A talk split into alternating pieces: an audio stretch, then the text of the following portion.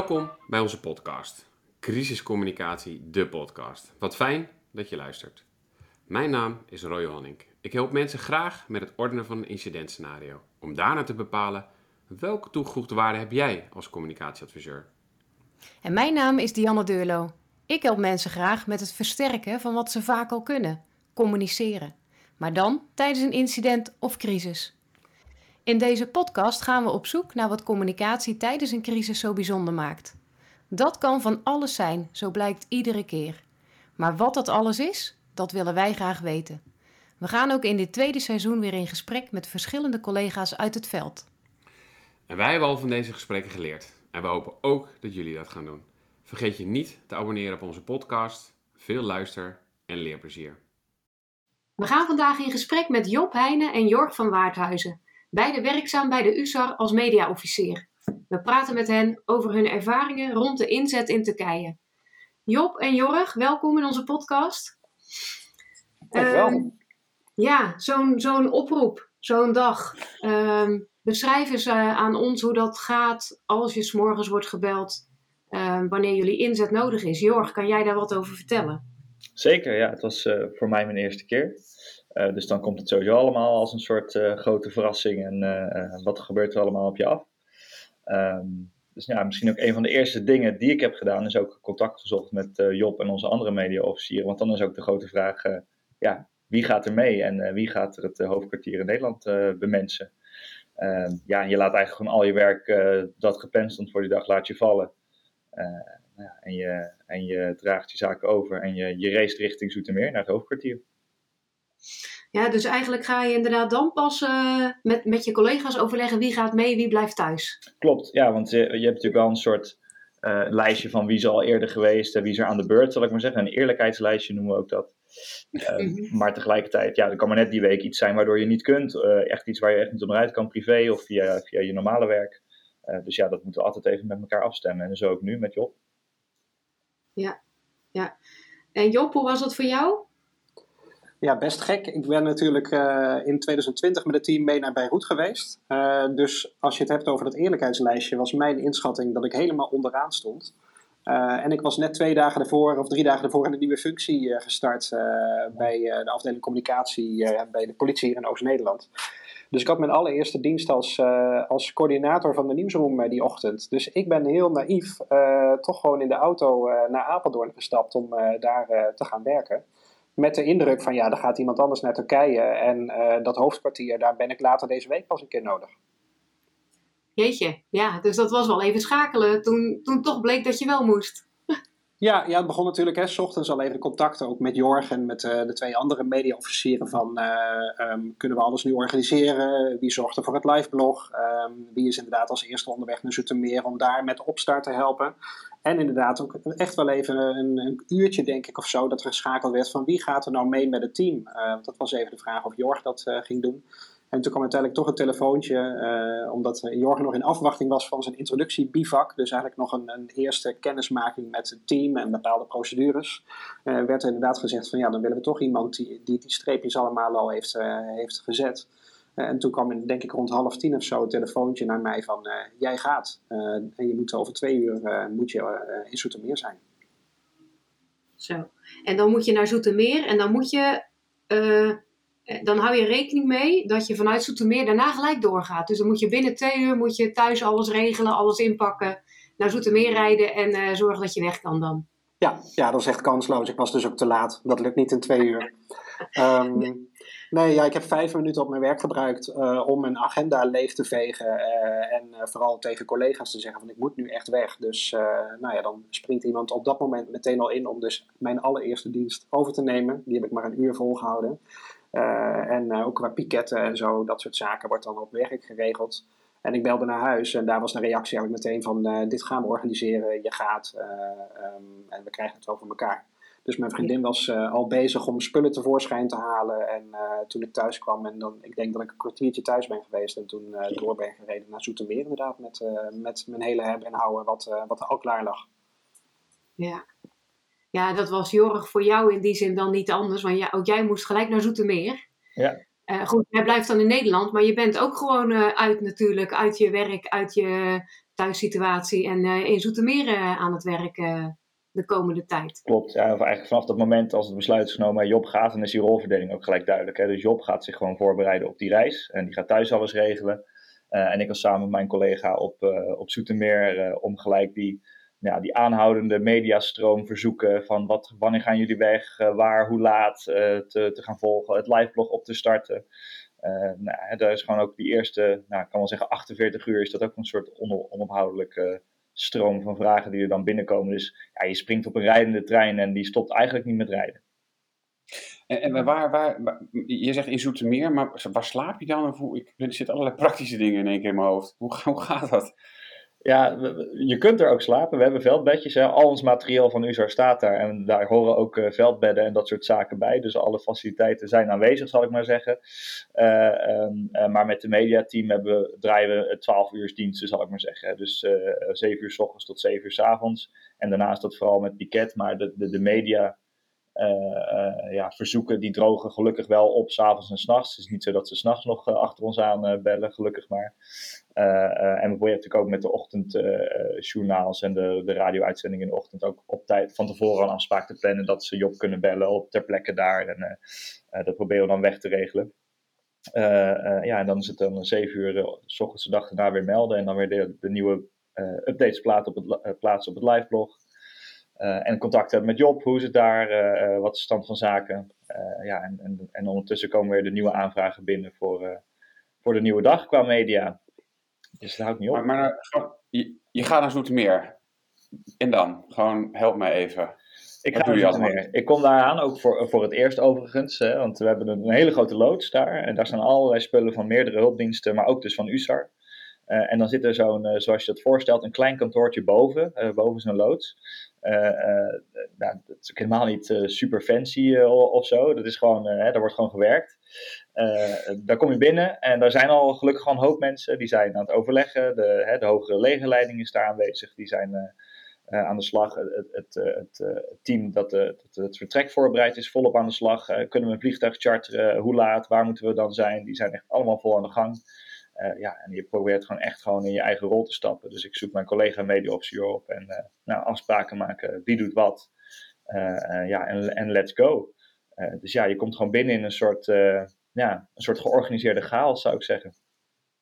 Ja, en, en die afspraken, wie doet wat? Is het dan zo dat de een zich bijvoorbeeld vooral focust op de media en de ander zich op het starten van een liveblog en het informeren van thuisfront? Of hoe is die taakverdeling dan? Ja, precies. Want we hebben, uh, we hebben inderdaad een liveblog bij te houden, zeggen de contentkant en, uh, en, en die telefoon, laten we zeggen de mediawoordvoering. Nou, en dat is echt al een taak op zich, want die telefoon die, die blijft gewoon gaan. Hè. Dus, dus, dus dat, dat is een aanhoudende stroom van. en de ander inderdaad focust zich meer op het zorgen van, van het liveblog contact met, uh, met, het informatie, met de informatiesectie over het thuisfrontbericht, inderdaad. Daar kijken we ook altijd naar mee van, er staan daar nou de, de goede dingen in? En ook even contact met Job uh, als ze eenmaal daar zijn van, goh, zijn er nog zaken die het team wil meegeven aan het thuisfront? Dus dat is inderdaad ongeveer de verdeling van werkzaamheden die dan gewoon achter elkaar. En die vliegbasis Eindhoven, hè, die vliegbasis is ook wel ja. belangrijk. Want daar, uh, ja, je komt ineens vanuit het niets uh, met 65 man en een heel mediacircus op zo'n vliegbasis uh, binnendenderen. Ja. Dus dat vraagt ook wel wat afstemming aan de voorkant. Klopt, ja. ja. En dat doe jij dan, Jorg? Ja, ja, ik ben met een klein groepje vooruit gegaan. We zouden een groot vrachtvliegtuig van Defensie tot onze beschikking om met onze voorraden daarheen te gaan met een vooruitgeschoven post van vijf man. Ik ben met dat groepje alvast meegegaan naar Eindhoven Airport om daar uh, nou ja, de zaken voor te bereiden voor, de, voor het vertrek. Alleen de aankomst uh, ja, was eigenlijk al iedereen uh, van de grote, grote outlets waren al aanwezig, zal ik maar zeggen. dus daar ben ik ook gewoon tegelijk, toen de Russen nog was, heb ik ze te woord gestaan over wat er ging plaatsvinden. Met het vliegtuig op de achtergrond, zodat zij ook een eerste beelden hebben. Zodat ik ook wist, als het volledige team straks aankomt, worden zij niet gelijk overspoeld, hebben goede afspraken gemaakt. Uh, hoe ze alleen nog maar kleine interviews houden van, goh, hoe is het voor jou om, uh, om weg te gaan persoonlijk? En hebben ze het grote verhaal al, uh, al te pakken. Dus dat ging gelukkig, gelukkig soepel. Maar je zit dan meteen in de schakel van, media willen beeld hebben, dus ik moet een beeld presenteren. Media willen een algemeen verhaal hebben, dat doen ze. En ze kunnen het persoonlijke verhaal eventueel wel, want dat mag bij jullie, ook bij de USAR-leden ophalen. Ja, klopt. Dus het is gewoon gelijk ter plekke met het vooruitgeschoven groepje van vijf en die mediateams bij elkaar gewoon even afspraken maken. Dit mag wel, dit mag niet. We zijn ook op een defensielocatie, dus let ook op wat je filmt. dus je gaat gewoon gelijk gewoon goede afspraken maken. En ik moet zeggen hoor, dat ging ook echt heel goed. En ze zijn er echt wel, echt wel van bewust. Ehm, dus als je dat gesprek of dat contact gewoon open en eerlijk naar elkaar toe hebt. En ook gewoon open bent in je communicatie, dan kan je daar echt hele goede afspraken over maken. En dan loopt het ook gewoon een stuk, stuk soepeler. Is mijn ervaring geweest in ieder geval. Ja, is er gelijk bij het vertrek, toen jullie zelf vertrokken, zijn er gelijk journalisten meegegaan op die eerste vlucht, zeg maar, of niet? Ja, we hebben een ploeg van uh, Nieuwsuur, uh, die vlogen met ons mee. Uh, en een documentairemaker, Geert, Geert-Jan Lasje, die op eigen titel eigenlijk met ons meeging. Met de verwachting dat hij ja, beelden kon maken voor een, een documentaire waar hij al langer mee bezig was. En toeval wilde dat zowel de verslaggever van Nieuwsuur als Geert-Jan in 2010 ook met het team mee naar Haiti zijn gevlogen. Uh, maar ja, die vlogen dus inderdaad ook al met ons mee. Dus ook dat vraagt meteen op het vliegveld al afstemming. Het is natuurlijk heel raar. Voor mij waren het nieuwe gezichten. Je maakt kennis met elkaar. En je gaat meteen kijken van hoe, hoe gaan we met elkaar om. En, en Nieuwsuur ging echt als, als journalisten mee het vliegtuig in. Vooral ook om van A naar B te komen. Uh, nog niet meteen met de verwachting dat ze met ons als team mee zouden gaan. Hè. Dat wilden we echt van, uh, van de plek daar af laten hangen. En Geert-Jan Lasje ging echt als documentaire maken en beddet met ons team mee. Dus ook met het hele team is afgesproken van hij is onderdeel van het team. We zorgen voor zijn onderdak en eten, zeg maar. Uh, en hij heeft ook, want dat is wel even het verschil met andere journalisten waarmee we te maken hadden.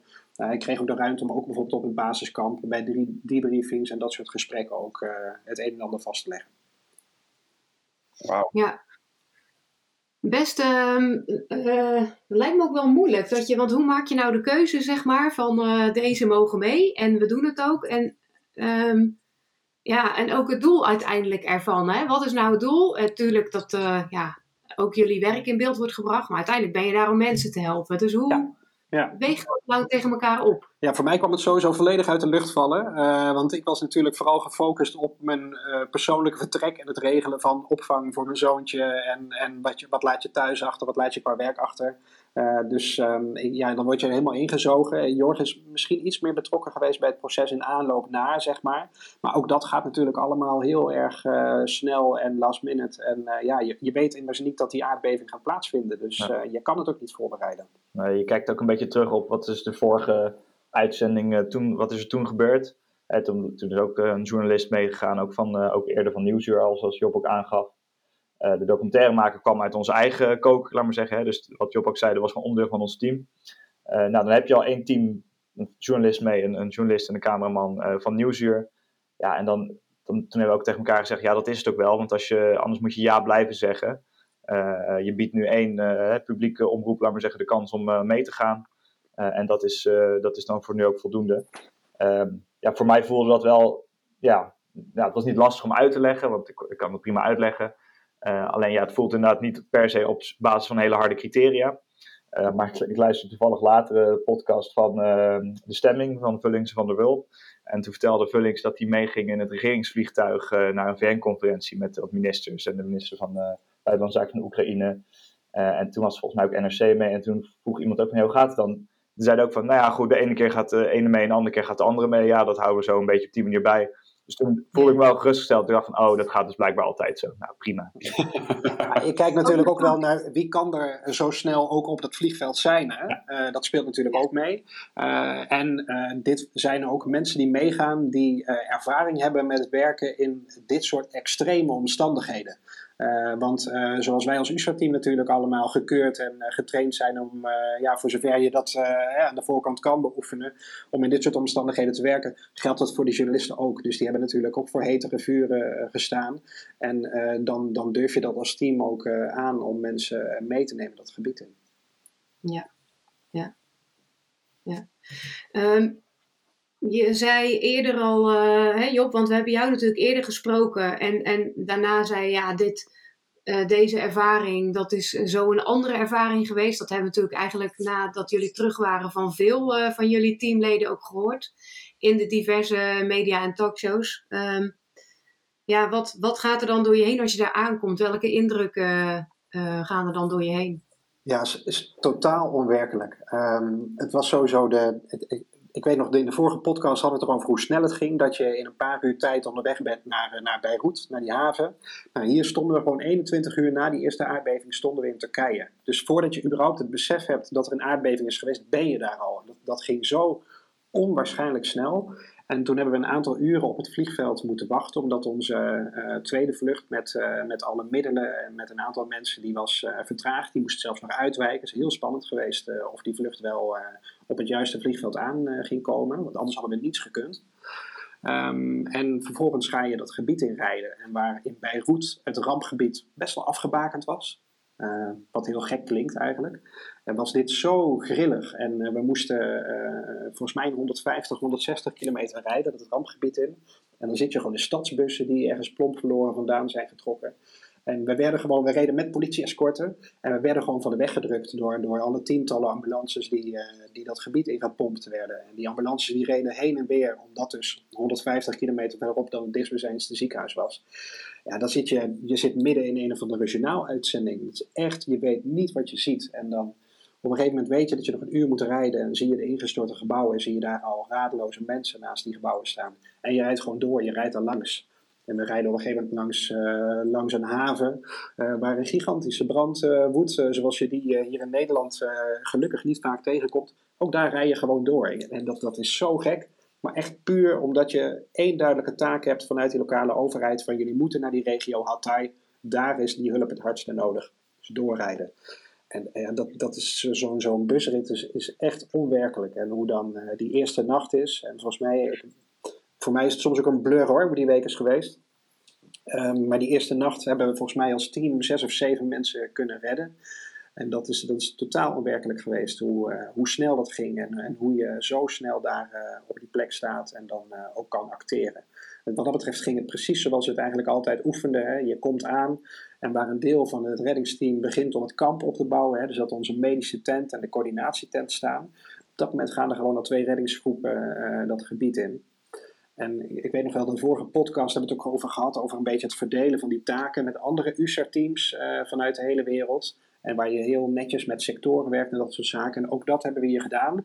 Maar in eerste instantie is gewoon gezegd van uh, naar eigen bevindingen. Omdat de, de eerste berichten van die reddingsgroepen die, die dat gebied ingingen, waren echt van ja, we horen overal mensen onder het puin. Die stonden in een donkere straat en, en zien vijf, zes resten, ja, je, kan, je kan er geen gebouw meer noemen, maar horen overal klopgeluiden en mensen roepen, worden overal aangeklampt. En die hebben echt gewoon naar bevindingen daar hun werk uh, gedaan die eerste nacht. En ja, daar kun je niet bij met je, met je hoofd uh, waar je dan ineens in, uh, in terecht komt. Nee.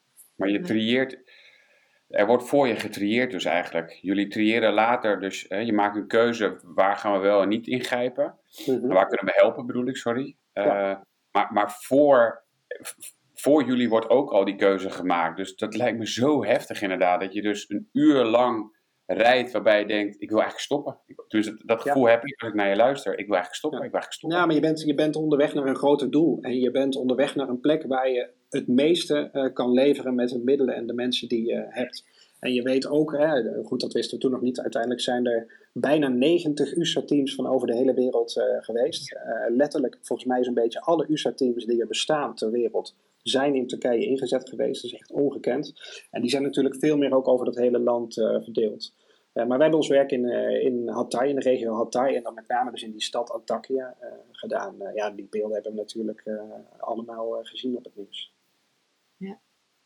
Maar jullie, uh, en, en misschien heb ik dat verkeerd begrepen hoor, maar jullie USAR-team kreeg toch ook als het ware uiteindelijk de coördinatie over meerdere andere USAR-teams daar ter plekke? Ja, nou eigenlijk over alle USAR-teams die in heel Turkije ingezet zijn geweest. Dus we hebben ook extra mensen meegenomen, uh, bovenop de reguliere bezetting. Dus we waren met 65 mensen uiteindelijk. En uh, uiteindelijk, de Zwitsers waren net iets voor ons van het vliegveld weg. We zijn als tweede reddingsteam uh, in de regio Hatay aangekomen, internationaal reddingsteam. En daar dus inderdaad ook die coördinatie vanuit de stadsbus al opgestart. Om gewoon hè, die stad in kaart te brengen. Dus wat zijn de woonwijken, waar zijn de winkelcentra? Die, laatste laat je links liggen, want ja, die beving was s'nachts. Dus je moet echt bij de woningen zijn. Uh, daar worden die eerste stappen gezet. En ja, door, inderdaad, door een aantal mensen van ons team, in samenwerking met, met mensen van de andere reddingsteams is die coördinatie uh, over heel Turkije gedaan van die, uh, van die USA-inzet. Hm. Hm. En is dat dan ook iets uh, wat vanuit uh, Zoetermeer, uh, Jorg, ook dan wordt, help je dan vanuit Zoetermeer om die wijk in kaart te brengen of gebeurt dat allemaal daar in Turkije? Nou, in dit geval hebben we het zeker ook vanuit uh, Zoetermeer gedaan. Want op een gegeven moment hadden we het probleem dat de verbindingen in, uh, in uh, de regio waar Job zat heel slecht waren. Wegen uitval van zendmasten. Dus heeft inderdaad onze informatiesectie op, de, op het headquarters heeft inderdaad echt een tijd lang het werk zelf ingeklopt. nou moet ik zeggen dat het team ter plaatse ondertussen zelf over was gegaan op de analoge werkelijkheid, zal ik maar zeggen. Dus hingen gewoon vellen met geeltjes erop, de, de, kaart uitgetekend. en er werd, wordt gewoon op die manier gewerkt. Dus in die zin is het team ook flexibel genoeg om daarmee om te gaan.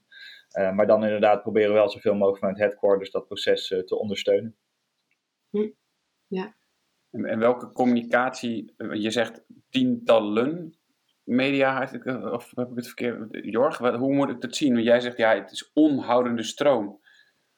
Ja. Maar, maar om hoeveel gaat het dan? Want het, het, om een beeld te krijgen. En, en...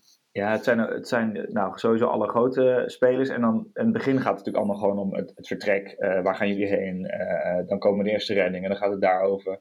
Ondertussen beginnen de eerste kranten en uh, ook regionale kranten te bellen van... Goh, is er iemand mee uit onze regio die we straks kunnen interviewen over het werk daar? Ehm, eh, de, de, de, weet het, de grote talkshows eh, die komen aan de lijn. Kan er iemand, eh, kan er een live verbinding worden geregeld of kan iemand anders wat vertellen?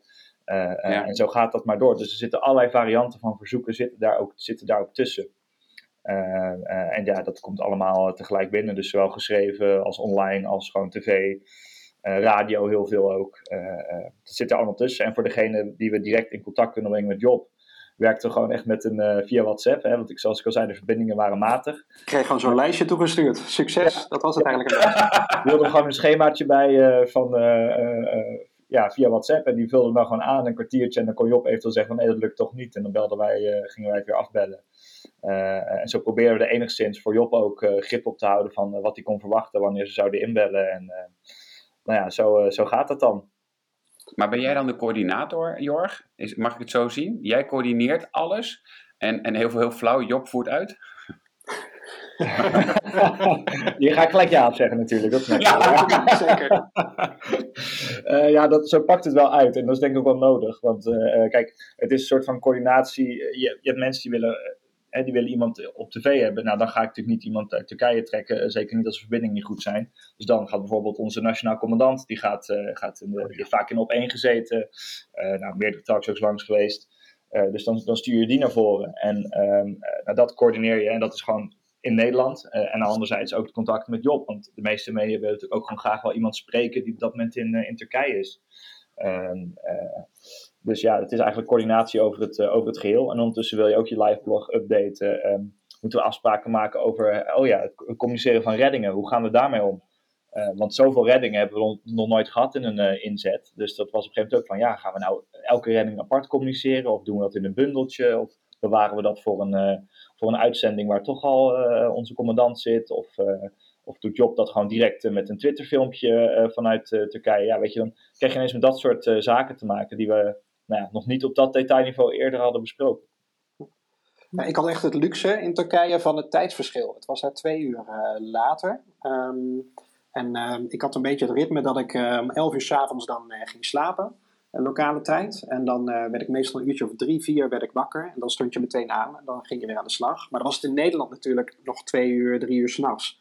En dan had ik alle ruimte om even. op dat moment was er dan een klein beetje verbinding vaak. Dan kon ik één filmpje maken dan liep ik de heuvel op en dan lukt het net om dat filmpje op Twitter uh, te krijgen. Nou, dat zag je vervolgens in alle journaals eigenlijk uh, terugkomen. En daarna begon ik aan het lijstje van Jor, zal ik het dan maar even noemen. Uh, dat was dan inderdaad alle, alle ochtendshows, al die radioprogramma's, een aantal televisieprogramma's, daar belde je dan in. en dan meestal eentje in een kwartier, eentje in de tien minuten, zeg maar. En dan was ik gewoon vanaf, ja, vanaf een uur of zes ochtends tot aan een uur of 10, 11 eigenlijk al die live interviews aan het doen. En dan kon je weer even op adem komen. En zo ging dat eigenlijk die hele week door. Als de verbindingen toelieten. Want inderdaad, we, we hadden een soort zendmast die draaide blijkbaar op een aggregaat. En iedere keer als de diesel op was, dan klapte alle verbindingen in het hele gebied er weer uit. Uh, en dan zie je dus dat ik ook radioshows, bijvoorbeeld ook bij een Jan Willem Start Op Radio 2, En dat soms dan, dat we twintig minuten met dat interview bezig waren. Dan moesten zij weer een liedje instarten. Dan kon je één of twee vragen doen. Klapte mijn verbinding er weer uit. Startten zij weer een nieuw liedje in. Belden ze mij weer op. En dan werd het opgenomen. En dan moest dat helemaal achter elkaar gezet worden. En dan zat het in de uitzending. Dus ook dat vroeg heel veel uh, tijd en energie die eerste dagen. Omdat die verbindingen zo ongelooflijk slecht waren. En dat gold ook voor de satellietverbindingen. Want die waren ook gewoon overbelast. Ja. Nu was er los van alle uh, journalistieke aandacht, was er volgens mij ook nog iets wat echt wel, dat kunnen jullie beter beoordelen dan ik natuurlijk, maar wat anders was dan andere situaties is, ik heb ze online ook voorbij zien komen, de hulpverzoeken. En, en ik zag op een gegeven moment, Job, volgens mij werd je zelfs persoonlijk gewoon uh, benaderd op Twitter, omdat mensen je dan kenden en wisten, jij zit daar. En ik heb daar familie zitten. Ja dat lijkt me echt ook heel ingewikkeld geweest voor je. Ja, ik heb een heel groot deel pas later gezien, want ik had mijn, mijn eigen middelen weinig in de verbinding, laten we maar zeggen. Uh, dus inderdaad, toen ik terug in Nederland was, zag ik ineens tientallen berichtverzoeken op mijn privé sociale accounts, Instagram, Facebook, uh, Twitter. Uh, het gekke was dat er ook een gezin uit mijn woonplaats vermist was in de regio waar we, waar we waren, waar ik veel aandacht voor, voor was. Eh, dus dat zag je terugkomen. Maar later heb ik pas, toen ik Jorg sprak, een beetje een, een, beeld gekregen van de omvang inderdaad. Want we, zijn echt wel wat gewend met dit soort hulpverzoeken bij, bij inzetten. Mensen gaan toch gewoon ja, iedere mogelijke weg zoeken om, om hulp te krijgen. En geef ze ongelijk, ik zou hetzelfde doen. Maar die omvang inderdaad, ja, Jorg die kan daar veel meer over vertellen. Maar die was, die was ongekend bij, bij deze ramp in, in Turkije. Ja klopt. Ja, want we hadden, we hebben, nou, volgens mij dit jaar nog, of eh, in, eind 2022 zijn we begonnen met een, een Instagram-kanaal voor USARNL. En denk je, nou gaan we leuk beelden laten zien van ons werk en uh, nou, waar, waar zal je Instagram voor gebruikt. Nou, Twitter hadden we al, LinkedIn hebben we al. En normaal gebruik heel erg om te zenden, om je werk te laten zien, om informatie te delen, zeker via Twitter tijdens zo'n ramp. maar het is natuurlijk ook een kanaal waarop je gewoon berichten kunt, kanalen waarop je berichten kunt sturen. En wat dus nou, gaandeweg de week steeds meer zagen, is dat ze ons zeggen, gevonden hadden en wisten waar we zaten. En nou, op een gegeven moment via Instagram, het hield gewoon niet op met verzoeken om hulp. help, mijn, mijn familie zit in deze regio. Ze horen nog klopgeluiden met exacte coördinaten erbij. ja, en, en dat hield gewoon niet op. Um, ja, en dan kom je ook voor een soort dilemma te staan, want je bent al zo druk met, met al die standaardmedia verzoeken, met, met het bijhouden van het liveblog, het contact met Job en noem maar op. En, en dan krijg je dat erbij. En dat was wel echt even een, groot vraagteken van, ja, wat, wat moet je mee? Want, want je bent ook gewoon een, instantie, een officiële instantie, zou ik maar zeggen. En iemand stelt een vraag aan je. En er zit wellicht hele waardevolle informatie tussen die nou ja, de zoekacties gerichter kunnen maken of uh, waarmee je misschien er nog een redding kan doen. Um, maar we hadden gewoon niet de capaciteit om daar uh, op in te springen op dat moment. Uh, dus dan, dan, dan maak je keuzes. We hebben bijvoorbeeld de casus waar Job aan refereerde van de man uit zijn woonplaats die onder het puin lag. die hebben we uiteindelijk wel doorgezet, omdat die ook breed in de media lag. Maar goed, dat, dat voelt natuurlijk niet als een hele fijn criteria om daarop maar te gaan selecteren. Dat heeft niks te maken met dat iemand het meer verdient om gered te worden dan een ander. dus daar willen we de toekomst ook echt wel gaan over nadenken hoe we daar beter mee om kunnen gaan. Wat we nu hebben gedaan is dat we vanuit een van onze deelnemende organisaties van een van de veiligheidsregio's een extra ondersteuning hebben gevraagd. En die heeft alles inzichtelijk gemaakt en doorgestuurd naar onze informatiesectie. En vanuit de informatiesectie werd weer bekeken uh, hoe ze op, op welke manier ze dat naar uh, Dutch Base in Turkije wilden, wilden sturen. Ehm, maar het is wel duidelijk, denk ik, dat we voor een volgende inzet moeten kijken hoe we hiermee, hoe we hiermee omgaan. Dus natuurlijk, hè, het is heel lastig in combinatie met het feit dat we als reddingsteam daar, hè, we, hebben zo'n heel gebied verdeeld in sectoren. Eh, die eerste nacht misschien nog niet, maar op een gegeven moment wel. En dan, dan zijn dus op alle gebieden, alle wijken zijn reddingsteams bezig. Uh, en dan natuurlijk krijg je ook gewoon uh, verzoeken en meldingen uit hele andere steden in Turkije. En ja, we blijven natuurlijk altijd commanders in tent, zeg maar, die ons team hebben. Dat waren er een aantal hier. Dat was het zoeken en redden die coördinatie en ook het bieden van hoop en troost en perspectief, dat, dat vonden we heel belangrijk. Maar wat betreft dat zoeken en redden wil je natuurlijk zo efficiënt mogelijk uh, die reddingsteams ook verdelen over zo'n gebied. En als we allemaal continu van hot naar her gaan rijden achter meldingen aan, uh, die je niet goed kan verifiëren, uh, dan, dan kan dat ook mensenlevens kosten. En dat is een hele lastige, dus het is belangrijk dat we dat volgens mij als teams goed met elkaar delen. En inderdaad, op het moment dat je dus wel iets kan, zoals met die familie uit, uit Zutphen in dit geval, ja, dan gaan daar ook reddingsteams naartoe. Dus daar zijn we inderdaad geweest. Ja, ja. En qua communicatie, je daar dan op, uh, Jorg? Want jij, jij zit dan misschien achter de Instagram-account op dit. Wat, wat, wat, wat schrijf je dan terug? Nou ja, heel lullig gezegd, uh, niks. Want het zijn zoveel berichten. Uh, en je wil ook geen valse, valse hoop geven. En als je de een beantwoordt, moet je ze allemaal beantwoorden. Um, dus op een gegeven moment hebben wij de keuze gemaakt van...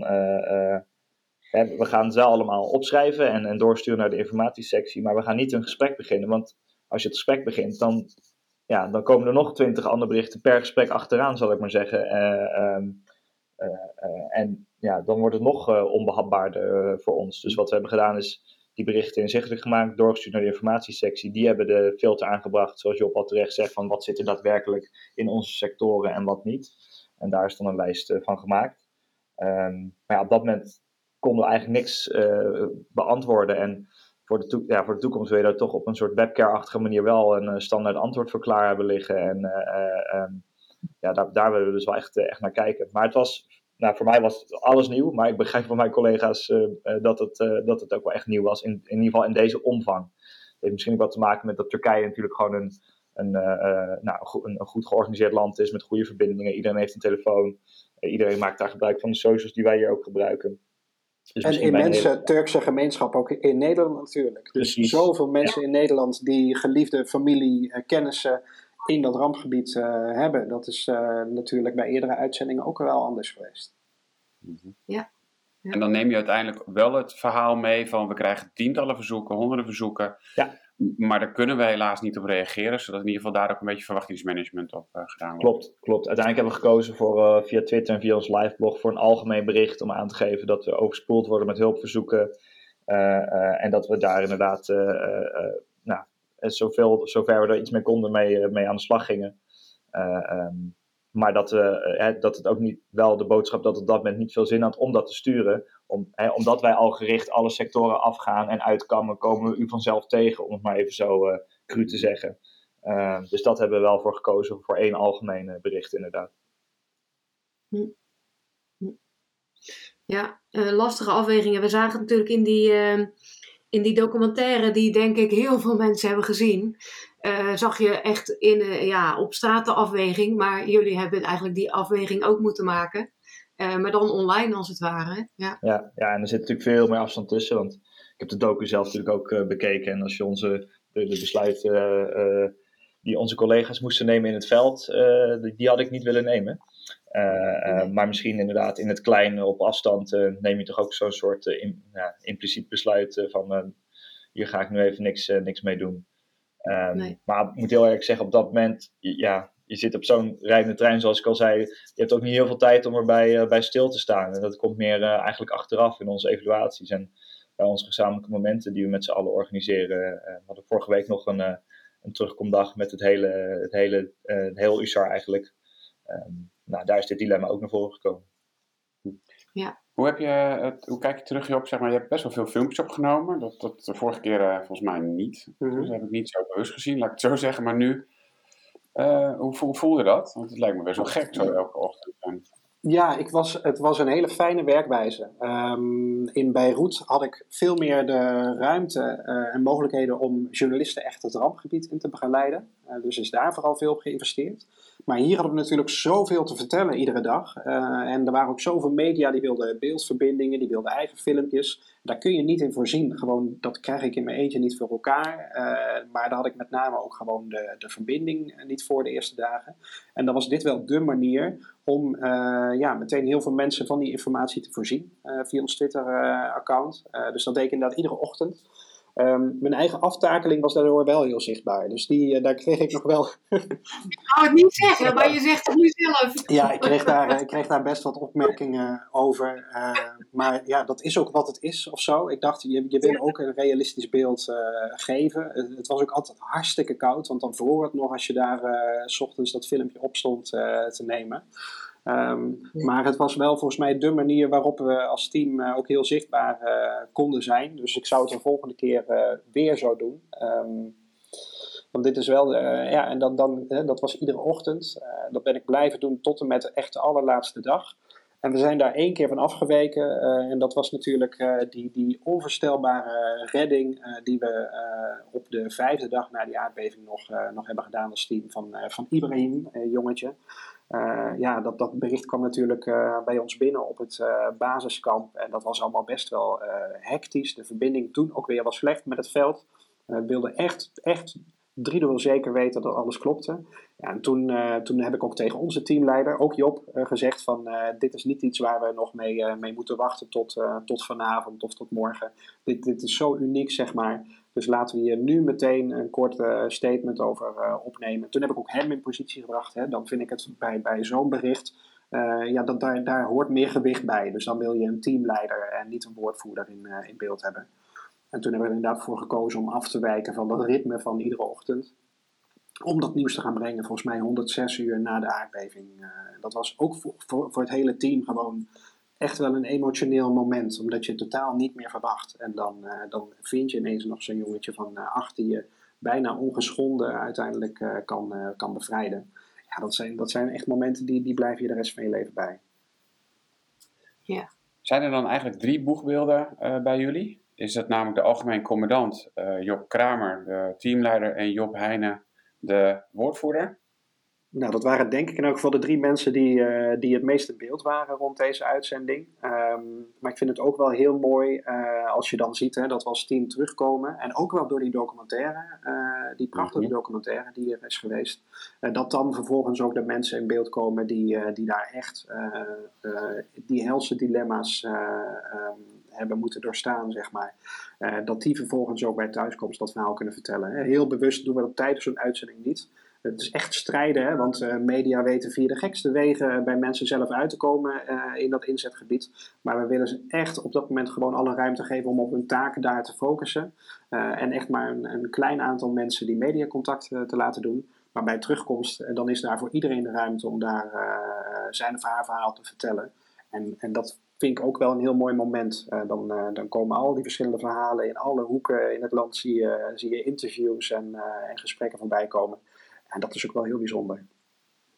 En, en Jorg, um, zit dat dan weer bij jou, die begeleiding? Kijk, Job, je zegt, ja, mensen hebben de ruimte, maar ik kan me ook voorstellen dat niet iedereen het wil van het team. Hoe, hoe gaat dat dan? Nee, klopt. Eigenlijk uh, begint uh, nou, rond dag vijf, eigenlijk de laatste redding, is men ook al bezig van wanneer komen ze terug en mogen wij ze alsjeblieft in de uitzending hebben. Hè? Dan krijg je alle grote talkshows die een soort aanbieding doen bijna, zal ik maar zeggen. Uh, nou, en dan moeten wij een afweging gaan maken. We willen ook niet alle talkshows langs vaak willen de talkshows dat zelf ook niet, dat je, alle, dat je alle, uh, allemaal langs gaat, want dan, uh, dan hebben zij natuurlijk geen nieuwtje. Um, nou, en dan gaan wij gewoon het gesprek aan met die en dan zeggen we, nou, dit is ongeveer het format wat wij in, in ons uh, achterhoofd hebben. Hè. Dus we willen, we willen een tafel met meerdere mensen van ons team en, en geen andere gasten, tenzij het echt experts zijn of zo, maar geen, hè, om het maar zo te zeggen, als je bij Jinek zit en je zit ook aan tafel met... Um, nou, noem eens iemand met Walter Kroes. Ja, dat, uh, dat past gewoon misschien niet zo bij uh, wat die mensen hebben meegemaakt op dat moment. Dat klinkt uh, misschien heel onaardig naar Walter Kroes, maar um, dus dat soort afwegingen kan je dan vervolgens meegeven. Van dat zijn eigenlijk onze voorwaarden om. En dan maak je uiteindelijk een, een, een, een, keuze in. En bij ons is die keuze toegevallen op, op Jinek op vrijdagavond. Dus niet de donderdag dat ze terugkwamen. Maar even nog met een aantal in gesprek of ze misschien een live uitzending vanaf de, uh, of een opgenomen uitzending moet ik zeggen, vanaf de vliegbasis konden doen met dat ze de tafel daar naartoe zouden verplaatsen. Maar uiteindelijk bleek dat toch allemaal te lastig en te kort dag. Uh, nou, en wat, wat, wat, ons betreft misschien ook uiteindelijk wel een betere keuze, want dan hebben de mensen in ieder geval een, dag uh, weer kunnen, goed kunnen slapen, bij de familie geweest, even geland. en dan met een select groepje waar we ook zoveel mogelijk de verhouding de, tussen alle functies aan tafel willen hebben, naar Jinek toe. En die heb ik inderdaad helemaal voorbereid en in afstemming met Job uh, al uh, een beetje in het, uh, in het terugkomproces afgesproken wie dat zouden worden. Maar geef je dan die mensen ook een soort, ja klinkt misschien stom hoor, maar een soort instructie mee van dit is een soort van, dit is onze kernboodschap. Ja. Uh, hier ga je wel op in, daar ga je niet op in. Dat doe je al bij vertrekken. Um, om uh, dus voordat we naar het vliegveld uh, gingen, neem je mensen al mee van wat is nou die commanders intent, wat is de opdracht waarmee we op pad gaan. Um, hou het vooral bij je eigen ervaringen, bij je eigen verhaal. Um, En vervolgens is dat bij terugkomst ook zeker een thema. Dus ik heb toen ook, we zijn een, twee nachten zijn we in Malaga geweest als een soort adaptatieprogramma voordat we weer in Nederland zouden komen. Ja, en daar uh, is dan ook ruimte uh, uh, waar je dan als mediaofficier zeg maar ook een team even meeneemt van dit is, dit is het mediacircus, de mediagekte die we echt gaan verwachten bij, bij terugkomst op het vliegveld, maar ook daarna. Dit zijn de keuzes die we daarin maken. Ze, ze, krijgen in de mail ook echt nog wel even wat informatie over waar ze wat over kunnen vertellen. Maar het blijft altijd weer het uitgangspunt van blijf vooral bij je eigen werk, bij je eigen ervaringen. En als je er, er zijn natuurlijk ook, Roy vroeg het net even, van zijn er ook mensen die het liever niet doen? Die zijn er zeker, ja. En daar moet ook alle ruimte voor zijn. Want als jij je niet zo lang bij voelt, dan moet je dat ook gewoon niet doen. Dus er zijn ook genoeg mensen bij het team die zeggen van nou, aan mijn lijf geen Polonaise. Als die kist is geland op het vliegveld, ga ik lekker naar mijn familie en dan ga ik lekker naar huis. En dat, die ruimte moet er ook zijn. Ik, ik vond het zelf persoonlijk ook best wel een dingetje, omdat ik op het vliegveld na het landen, dan krijg je eerst nog uh, natuurlijk, het is prachtig, je wordt ontvangen door de minister, door de Turkse ambassadeur, door veel hoogwaardigheidsbekleders, er wordt kort gesproken. Vervolgens uh, krijg je uh, nog interviews met de media en op een gegeven moment, dan, dan sta je onderhand anderhalf uur aan de grond, heb je je familie nog steeds niet gezien. Um, dus ik, ja, ik was heel blij dat ik op een gegeven moment door kon lopen, zeg maar. En ik snap dus ook heel goed dat er mensen zeggen van ja, ik loop gewoon meteen lekker door uh, na de toespraken. Ik ga lekker naar mijn familie toe. Ja, vervolgens ziet iedereen hoe jouw zoontje eruit ziet. Wat vind je daarvan dan? ja, dat, was, uh, dat is wel heel vermakelijk, want wij, wij plaatsen ons zoontje bewust verder niet herkenbaar op social media en dat soort zaken. Want, uh, nee, daarom. Uh, ja. ja. dat weet ik, want ik volg je. ja, ja, nee, dat is een hele bewuste afweging. En dat moet hij zelf tegen de tijd dat hij daar wat van kan vinden, moet hij daar iets van vinden. Ja, ook zoiets van, ja, hier, daar heb je in deze situatie geen vat op. En dan toch de afweging, ik denk als, als mijn zoontje die beelden over een jaar of tien terugziet, dat hij toch wel denkt van, oh, dat is toch wel bijzonder. Ja. Ja, ja, ik vond het prachtige beelden. Ik kreeg, echt, ik kreeg, ik kreeg echt wel de nodige gevoelens bij. Ik dacht, slikken. Ja. en dan, nou, dat is je op zijn zoontje. Lekker dan. Ja, ja. bizar. Ja, je bent toch in, een beetje... in de armen valt ja, je bent als team uh, ontzettend zichtbaar uh, tijdens die uh, uitzending en, en ook terug thuis. En um, ja, dat hoort er ook bij. Maar dat, dat brengt ook weer hele speciale en bijzondere dingen met zich mee.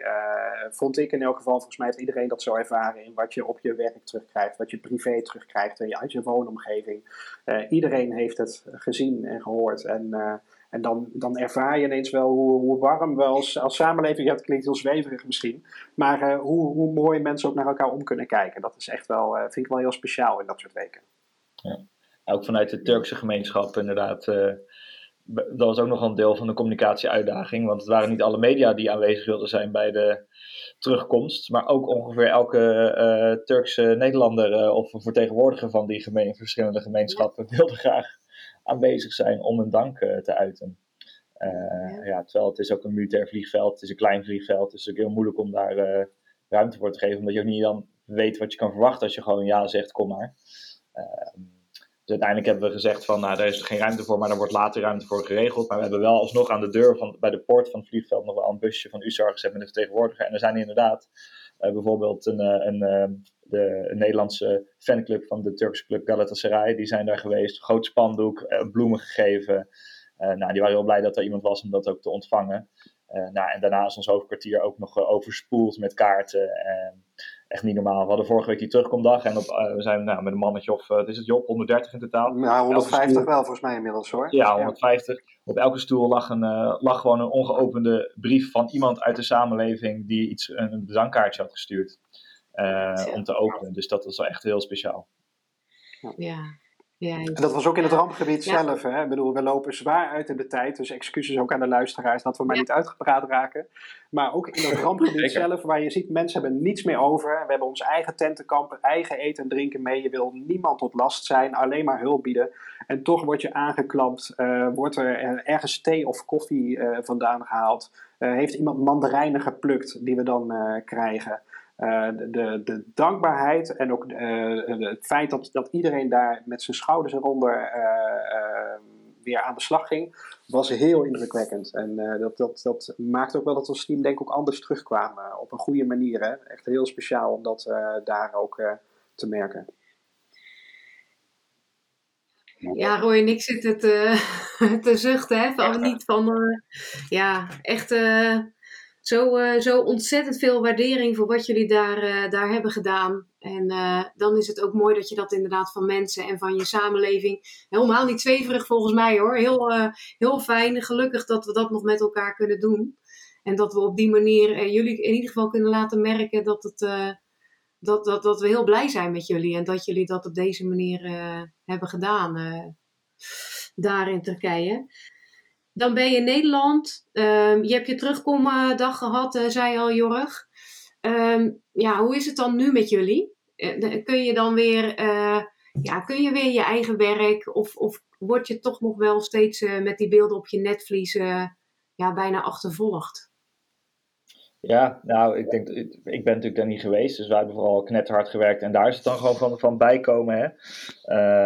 Um, en ik moet zeggen dat ik gisteren nog denk als een van de laatste ook wel nog, toch nog gebeld ben door onze, door onze psycholoog bij USAR. Dus hebben gewoon een dedicated psycholoog en die, die checkt ook het hele team, dus inclusief headquarters, uh, uh, hoe, het, uh, hoe het met men gaat. en dan zeg ik één, twee maanden later. Dus er wordt ook echt goed voor ons, voor ons gezorgd. Maar ik denk dat vooral Job misschien, die is daar echt geweest, of hoe hij daarmee zit qua, qua nachtrust en dat soort zaken.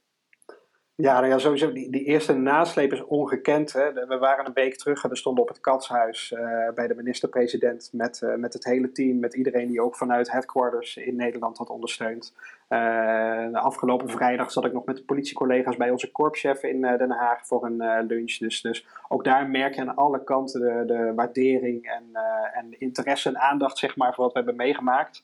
En um, ja, ik heb geen minuut minder geslapen om, uh, uh, om die missie daar, gelukkig. Um, maar ik heb me wel, uh, ik heb totaal onderschat wat het fysiek en mentaal gewoon voor een uitputtingsslag is. Dus we zijn uiteindelijk elf nachten volgens mij van huis geweest, waarvan acht dagen en nachten echt in het rampgebied. En na, na, een week thuis dacht ik, oh, ik ben er wel weer. En weer, nou, weer voluit aan het werk, tussen haakjes, laten we maar zeggen. En toen merkte ik op een gegeven moment na vier weken van, oh ja, ik kan weer langer dan uh, tot half acht s'avonds wakker blijven. En ik val niet meer in slaap op de bank. En dat heeft echt een aantal weken geduurd. En, en nog steeds ben je dagelijks ben je hiermee bezig. Dat, dat blijft denk ik nog wel even. Terwijl de rest van de wereld draait gewoon door. Uh, maar ja, wat dat betreft, als ik hem vergelijk met eerdere uitzendingen, zoals Beirut en ook vanuit Nederland mijn werk rond orkaan Irma, um, was de nasleep wel ietsje heftiger en ietsje langer. Ja, maar dat, dat kan ook niet anders. Het was denk ik ook gewoon wel heel heftig wat we daar hebben meegemaakt. Zeker. En hoe, hoeveel nieuwe collega's hebben zich aangemeld? Ja, ook, ook dat, daar heb je het ook over berichten die we niet aankunnen om op te reageren. Dus volgens mij zijn er honderden e-mails bij USAR binnengekomen met sollicitaties. En ik krijg dan bijvoorbeeld vanuit de politieorganisatie weer mailtjes van mensen die zeggen: Ja, ik hoor niks van USAR, ik wil erbij, uh, help me. Ja, dan geven we ook steeds weer aan van ja, er zijn echt maar een heel klein aantal plekken die we bij het team hebben. En het moet volledig aansluiten op je dagelijkse werkzaamheden. Dus, maar dan hoor je echt dat er mensen geneigd zijn om dus bij de politie zich om te laten scholen tot hondengeleider. In de hoop dat ze dan ooit bij het team. um, ja, het, het, het, het, spreekt heel erg, uh, het spreekt heel erg tot de verbeelding. Um, en het is ook wel. Uh, ja, ik denk dat ik ook voor Jorg mag spreken. Dat het echt als een voorrecht voelt om onderdeel van het team te mogen zijn en om die hulp te kunnen verlenen uh, op het moment dat dit gebeurt. Hè. Je ziet het op tv je, je, en, en 21 uur later sta je in het land. Um, maar uh, ja, nee, er zijn echt maar heel weinig vacatures. En je moet echt bij een van die partners werken. Uh, en dan dus ook nog de relevante functie uh, hebben. Dus ja. Ja. mannen, bedankt dat jullie ehm, ook, ook hiervoor weer tijd wilden maken. Want het kost toch een uurtje. En, en de ervaringen delen, daar ons weer in meenemen. Um, dank dat jullie dat opnieuw wilden doen. Uh, en natuurlijk ook uh, bedankt voor jullie inzet, uh, inzet daar. Ja, jullie bedankt. Yes, graag gedaan. Bedankt voor het luisteren. Dit was niet onze eerste en zeker niet onze laatste podcast. Laat ons horen wat je ervan vindt. Met een review of een bericht, daar worden wij altijd blij van. En vergeet je niet te abonneren op onze podcast. Wil je meer weten over crisiscommunicatie? Kijk dan even op crisiscommunicatieacademie.nl.